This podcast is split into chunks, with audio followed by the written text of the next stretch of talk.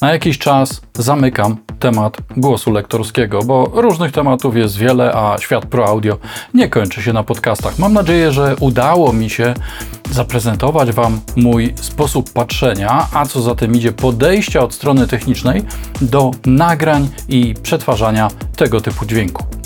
Dziś, nie licząc audiobooków, w modzie jest taki mocny, nasycony głos o ponadnaturalnym, ekscytującym brzmieniu.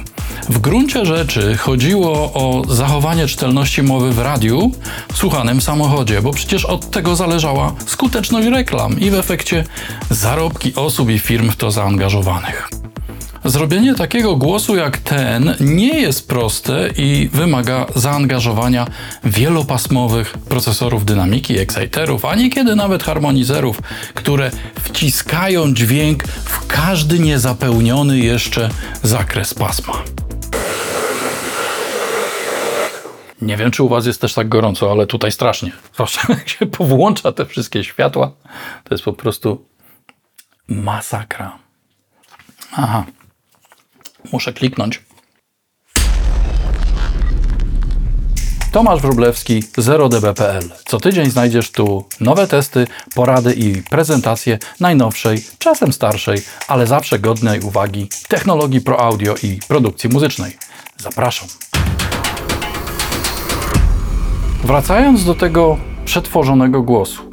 Zwróćcie jednak uwagę, że przy takiej obróbce znacznie trudniej wychwycić formanty charakterystyczne dla danego głosu i gdy na przykład w radiu toczy się rozmowa kilku osób, to niekiedy trudno jest rozpoznać, kto aktualnie mówi. Dlatego preferuję nagrywanie i przetwarzanie, których celem jest jak najdalej posunięte zachowanie charakteru sonicznego przy jednoczesnej eliminacji wszystkich artefaktów wynikających z bliskiego mikrofonowania i negatywnego wpływu pomieszczenia. Kluczowym elementem jest dobór mikrofonu, ale o tym już mówiłem wcześniej. Kolejnym krokiem jest zaaplikowanie filtracji wszechprzepustowej, której zadaniem jest symetryzacja przebiegu. O tym, skąd ta swoista niesymetria się bierze, mówiłem tutaj, więc odsyłam do obejrzenia tego odcinka. Zaznaczam, że nie jest to rzecz obowiązkowa, ale pozwala uzyskać 2-3 dB większą głośność odczuwalną bez ingerencji w naturalną dynamikę materiału, więc dlaczego mielibyśmy z tego nie skorzystać? W każdym fragmencie nagrania owo przesunięcie względem osi 0 będzie inne, ponieważ inny jest skład częstotliwościowy materiału. Przy materiałach jednorodnych, takich jak głos lektorski, można jednak spróbować wartości przesunięcia uśrednić. Do tego celu używam wtyczki Phase z pakietu Isotope RX. Zaznaczam jakiś fragment i włączam Suggest, czyli analizę i uśrednianie wyników. Skanowanie trochę trwa, zatem najlepiej wybrać najbardziej reprezentatywną sekcję, a potem wyłączyć zaznaczenie i zaaplikować filtrację wszechprzepustową przyciskiem Render. I jak widać, przebieg nam się ładnie wyrównuje. Nie używam funkcji adaptacyjnej rotacji fazowej. Dostosowuje ona przesunięcie fazy w sposób płynny, a nie jednorodny. W praktyce pozwala zatem uzyskać lepsze efekty, ale gdy z jakiegoś powodu zmiksujemy głos po takiej obróbce adaptacyjnej z głosem bez niej lub ze stałą fazą, to po odwróceniu biegunowości wychodzą takie oto kwiatki. Pozwala zatem uzyskać lepsze efekty, ale z jakiegoś powodu zmiksujemy głos po takiej obróbce adaptacyjnej. Czy są tańsze narzędzia niż RX9? Tu z pomocą przychodzi wszystko mający Reaper. Na ścieżce włączamy wtyczkę Phase Rotator, a za nią oscyloskop, czyli oscilloscope meter z dużym oknem czasowym, aby można było swobodnie oglądać obwiednie. Teraz suwakiem Phase ustawiamy taką wartość, aby przebieg był możliwie najbardziej wyrównany względem zera. Warto pamiętać, że owo przesunięcie rzadko kiedy będzie większe niż plus minus 45 stopni, więc nie ma co hulać z suwakiem po całym zakresie.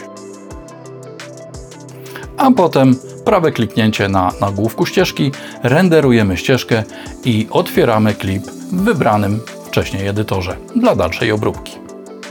W przypadku RX9 korzystam z narzędzia Loudness Control, które po włączeniu analizuje aktualną dynamikę, pokazując poziom szczytowy i zintegrowany.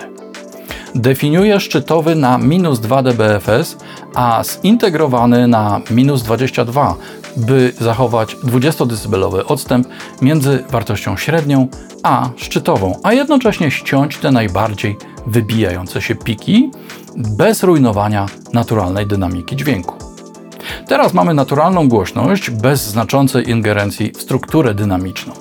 Mamy opanowane szczyty sygnału i na ogół dość symetrycznie rozłożone na całej jego długości. Taki sygnał gotowy jest do finalnej obróbki, w której pierwszym krokiem jest redukcja pogłosu. Jeśli w widoku spektralnym przyjrzymy się końcówkom fraz, to łatwo zauważymy wydłużone końcówki niektórych głosek. Dlatego po rozpoczęciu nagrania zawsze recytuję alfabet. A, B, C i tak dalej.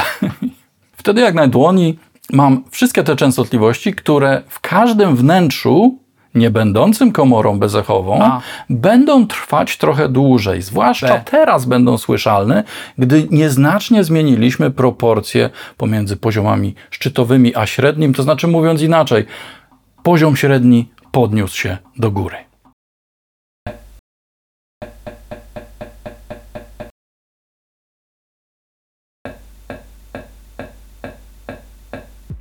Ich skład będzie się zmieniał w zależności od mikrofonu, temperatury, ciśnienia, miejsca, w którym siedzimy lub stoimy itd. Tak Dlatego nie ma uniwersalnego wzorca pogłosowego, który zawsze się sprawdza. Trzeba to robić podczas każdej sesji nagraniowej. Jeśli nagrywany materiał jest wokalem, to należy poprosić wykonawcę o zaśpiewanie krótkich głosek, na przykład tu, w tym zakresie nut, w którym będzie śpiewał. Cały czas w RX9 zaznaczamy najbardziej reprezentatywny ogon pogłosowy, wybieramy narzędzie D-Reverb i wciskamy Learn. Teraz procesor ma już wzorzec pogłosu wywołanego konkretnym sygnałem. Ustawiamy redukcję na nie więcej niż 9, czas pogłosu na wartość typową dla naszego pomieszczenia, na ogół w okolicach 0,8 sekundy i zaczynamy pracę. Proponuję od razu zmniejszyć do 0,9 wartości high mid i high, bo tam na ogół pogłosu jest mało. Włączamy output reverb only, by usłyszeć to, co procesor traktuje jako pogłos. Długość pogłosu korygujemy tak, aby nie słyszeć początków fraz i głosek, a jedynie samo ich wybrzmiewanie. Suwakami low i low mid, a także reduction definiujemy pracę procesora, aby przy takim odsłuchu uzyskać jak najmniej takiego zdrowego, bezpośredniego dźwięku, a jak najwięcej pogłosu.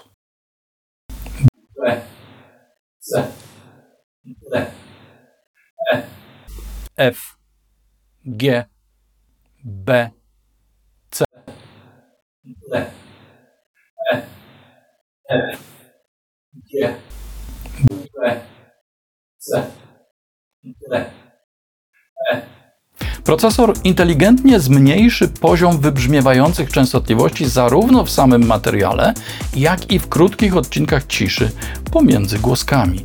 I tak właśnie pracowałem przez długi okres czasu, zanim nie pojawił się Acon Digital Deverberate 3. Wyjątkowo inteligentny i wyjątkowo dobrze sprawdzający się przy głosie lektorskim i wokalu procesor do redukcji pogłosu. Zakładamy, że nasze pomieszczenie nie ma wczesnych odbić, co pozwoli nam zrezygnować z modułu Early Reflections. Aktywujemy tryb Voice, ustawiając jego czułość na nie więcej niż minus 85%. W moim przypadku włączam tryb emfazy, który pozwala sprofilować zakres częstotliwości podlegających obróbce redukuje wpływ procesora na wszystkie poniżej 100 Hz i powyżej 3 kHz. Spektralne wygładzanie raczej na zero, bo nie zawsze sprawdza się tak jak chcemy. Sygnał czysty na 0 dB, a sygnał z pogłosem na około minus 16 dB. Pamiętajmy o tym, że algorytm będzie wycinał nie tylko sam pogłos, ale też trochę tak zwanych zdrowych dźwięków, więc ustawienie tego regulatora jest dość istotne dla zachowania naturalności brzmienia. Przyciskiem Difference możemy posłuchać tych elementów, które procesor usuwa.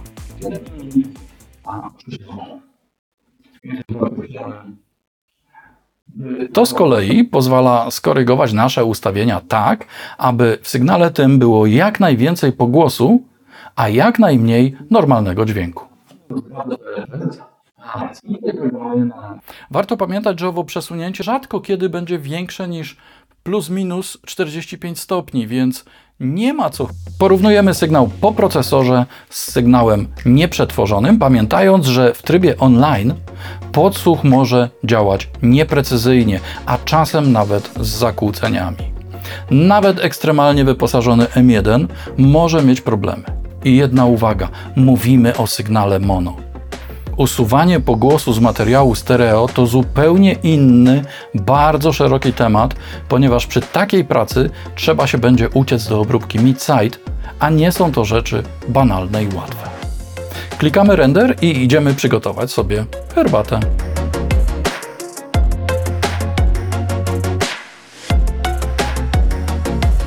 Rzut oka na widok amplitudowy. Jak widać, przebieg nie przesunął się względem zera i cały czas pozostaje w pełnej gotowości do finalnych zabiegów. A te to kwestia osobistych preferencji. Przez wszystkie te lata doszedłem do wniosku, że najlepiej pracuje mi się z Isotope Nectar 2, który dziś jest już staruszkiem, ale mi to wcale nie przeszkadza. Korzystam z trzech modułów: kompresora, DSR-a i limitera. Zadaniem kompresji jest subtelne, jednodecebelowe podciągnięcie cichszych dźwięków. Tutaj nie chcę żadnego charakteru, więc wybieram tryb digital. Ratio 2 do 1. Czas ataku w okolicach 5 milisekund, ale jeśli jest naprawdę dużo transientów, to warto go wydłużyć do 10. Czas powrotu wszystko poniżej 50 milisekund oznacza, że jest głośniej, ale pojawia się ryzyko zniekształceń najniższych częstotliwości. Threshold ustawiam tak, aby linia prezentująca tłumienie w porywach tylko dochodziła do 3 dB. Płynny, a nie jednorodny.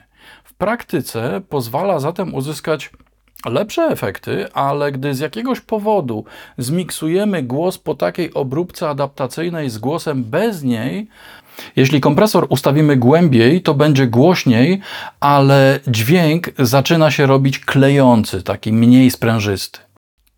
Wracając do tego przetworzonego głosu.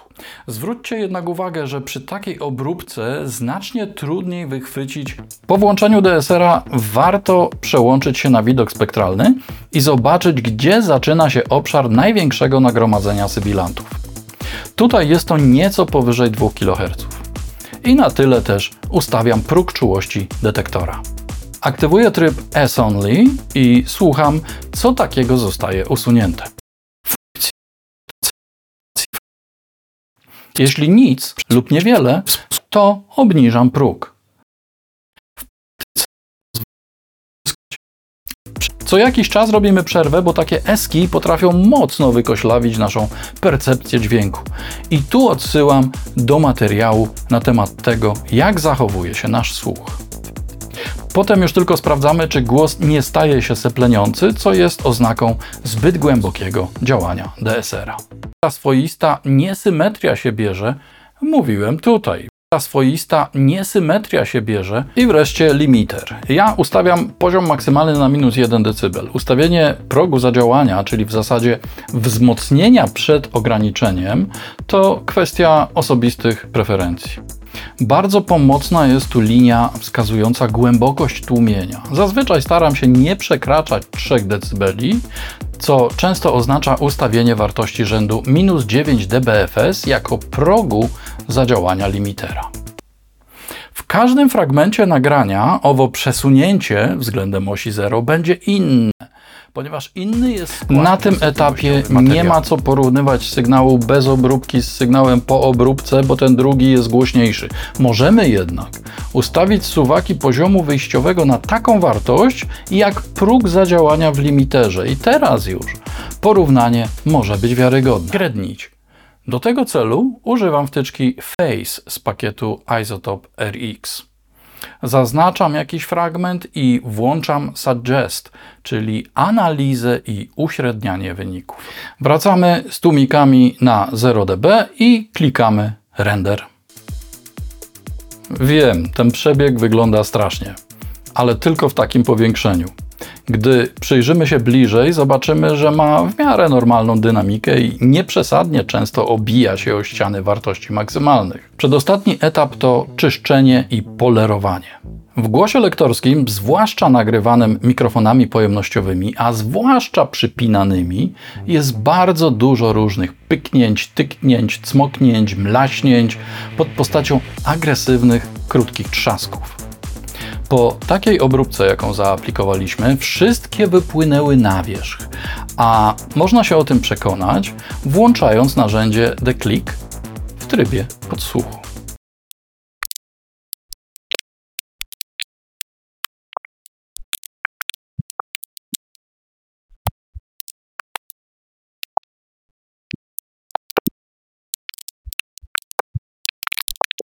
Ustawienia, które aktualnie widzicie, są dość uniwersalne i pozwalają usunąć większość problematycznych artefaktów.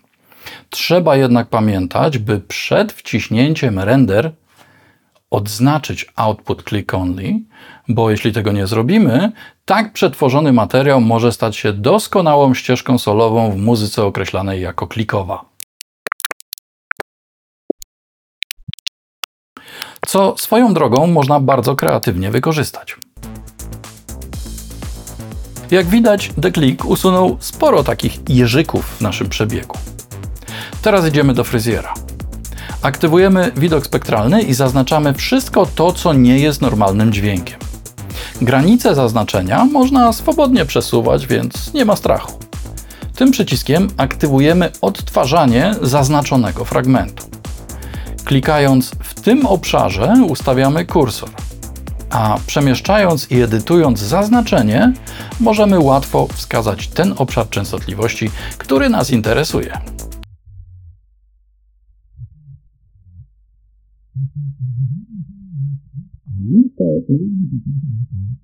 zaśpiewanie krótkich głosów. Z wciśniętym klawiszem Shift dodajemy wybrane elementy do zaznaczenia, a z klawiszem Alt usuwamy.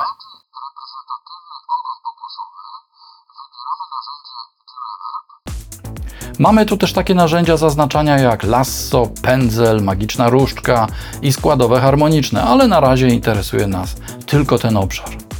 Jego górną granicę ustawiamy tam, gdzie zaczynają się już pojawiać cienie duchów najniższych składowych głosów. Może nawet trochę niżej. U mnie to jest na ogół 75 Hz ale niższe głosy męskie mogą zejść do 50, a wyższe żeńskie mogą sięgnąć 120 Hz. Gdy uznamy, że to, co zaznaczone jest nam niepotrzebne, klikamy Gain, ustawiamy suwak na minimum i wciskamy Render. Mamy teraz pięknie przystrzyżoną grzywkę i pewność, że w naszym materiale nie ma nic, czego byśmy nie chcieli. Po przełączeniu się do widoku amplitudowego widzimy w pełni zachowaną symetrię przebiegu, która nie byłaby taka oczywista, gdybyśmy użyli standardowej korekcji i to jest główny powód, dla którego tejże korekcji nie używam wcale. Wolę dobrać taki mikrofon, którego brzmienie mi odpowiada, niż mam potem poprawiać nagrany nim sygnał. Mogę go teraz zrobić dowolnie głośno i wiem, że uzyskana głośność odczuwalna na pewno będzie największa z możliwych, bo przebieg zachowuje symetrię. Ostatnia czynność jest w zasadzie typowo higieniczna. Używam limitera Pro L2 z 1 dB wzmocnieniem, sygnałem wyjściowym minus 1 dBFS w trybie transparent, zerowym atakiem, powrotem 50 ms, włączoną funkcją True Peak i z czterokrotnym nadpróbkowaniem, w zasadzie tylko po to, by wyrównać szczyty sygnału i upewnić się, że zintegrowana wartość LUFS plasuje się w przedziale od minus 12 do minus 14. I to wszystko. Materiał jest gotowy. Trzeba jednak zwrócić uwagę, że zmiksowanie go z czymkolwiek przeleje czarę goryczy na wyjściu miksera, więc jeśli do tego dojdzie jakiś podkład muzyczny i efekty, to oprócz zmniejszenia poziomu tego sygnału, warto też wykorzystać takie efekty jak Daker. Dzieje się tak, bo to, co uzyskałem w przypadku głosu, to jest najwyższa możliwa dla współczesnych systemów cyfrowych głośność odczuwalna bez masakrowania dynamiki. Szklanka jest pełna po brzegi z meniskiem wypukłym, więc wystarczy kropla, by zawartość się wylała. Jedynym sposobem, aby coś do tego płynu dodać, jest upicie tyle, by to coś mogło się zmieścić.